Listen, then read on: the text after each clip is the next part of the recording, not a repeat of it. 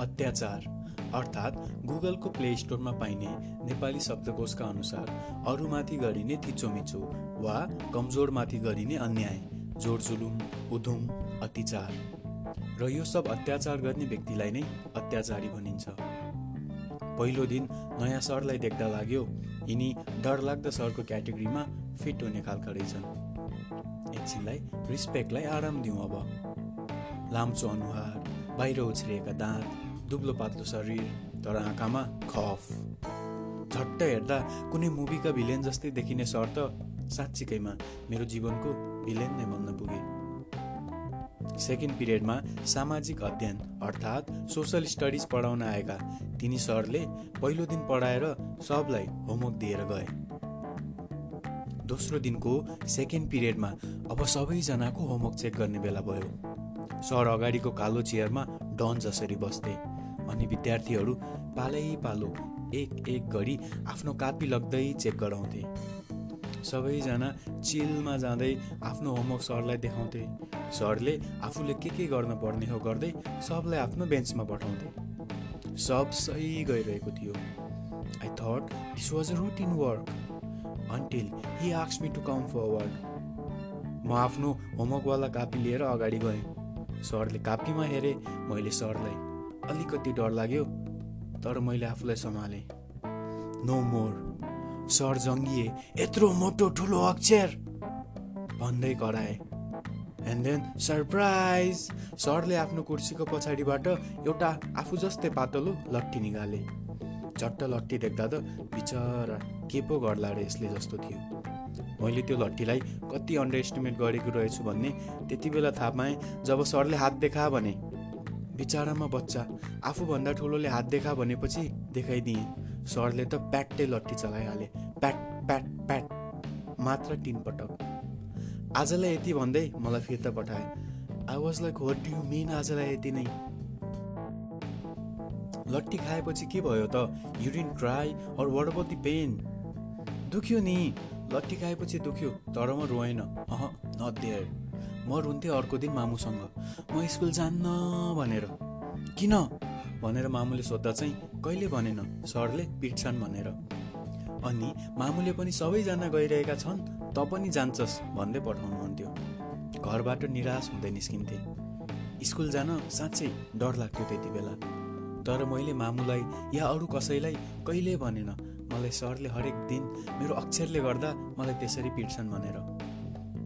बरु कहिलेकाहीँ स्कुल जाँदा जाँदै बाटोमा च्याङ पछाडि लुक्थेँ अनि एक दिन त्यसरी नै बिताएँ दिउँसभरि लुकेर।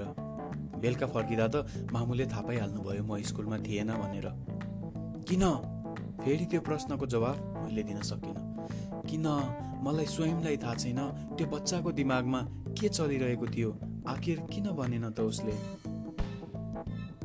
होइन मैले पनि सरलाई मेरो मोटो ठुलो अक्षर मन पर्दैन भने त्यसलाई सानो बनाउने ट्राई गरेन होला र गरेँ। अफकोर्स गरेँ।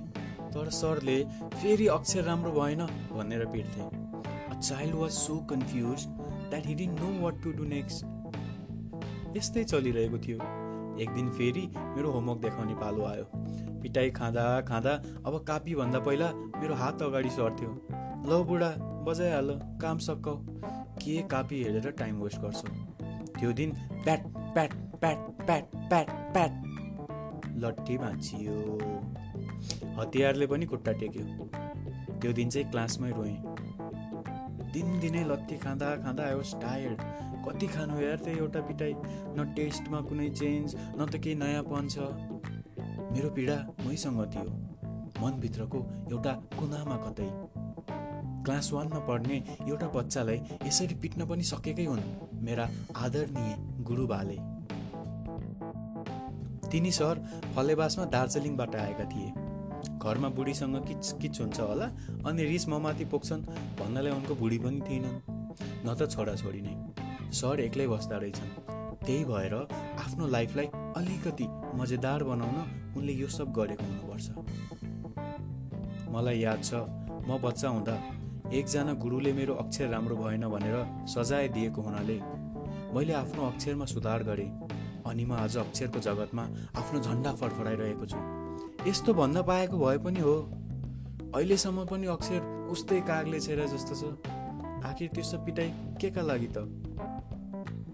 लगभग एक महिना यो लहर चलिरह्यो। अब त स्कुल पनि सकिने बेला हुन लागेको थियो।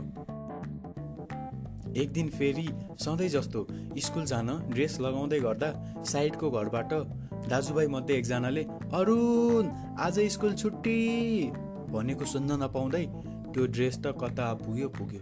म त वाइल्ड भएँ। किन र भनेर सोद्धा त अत्याचारीको परलोक बसाइ सडाइ भएछ। अर्थात् मलाई दिनदिनै पिट्ने सर त मरेछन्।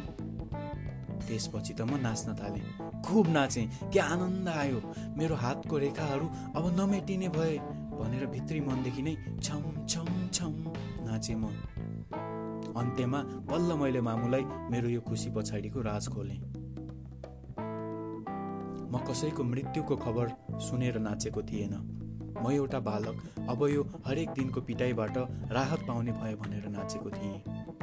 मानिस जतिसुकै नराम्रो भए पनि या उसले जतिसुकै गलत काम गरे पनि उसको मृत्यु सबैको लागि सुखद समाचार हुँदैन र मृत्यु नै अन्त्य होइन।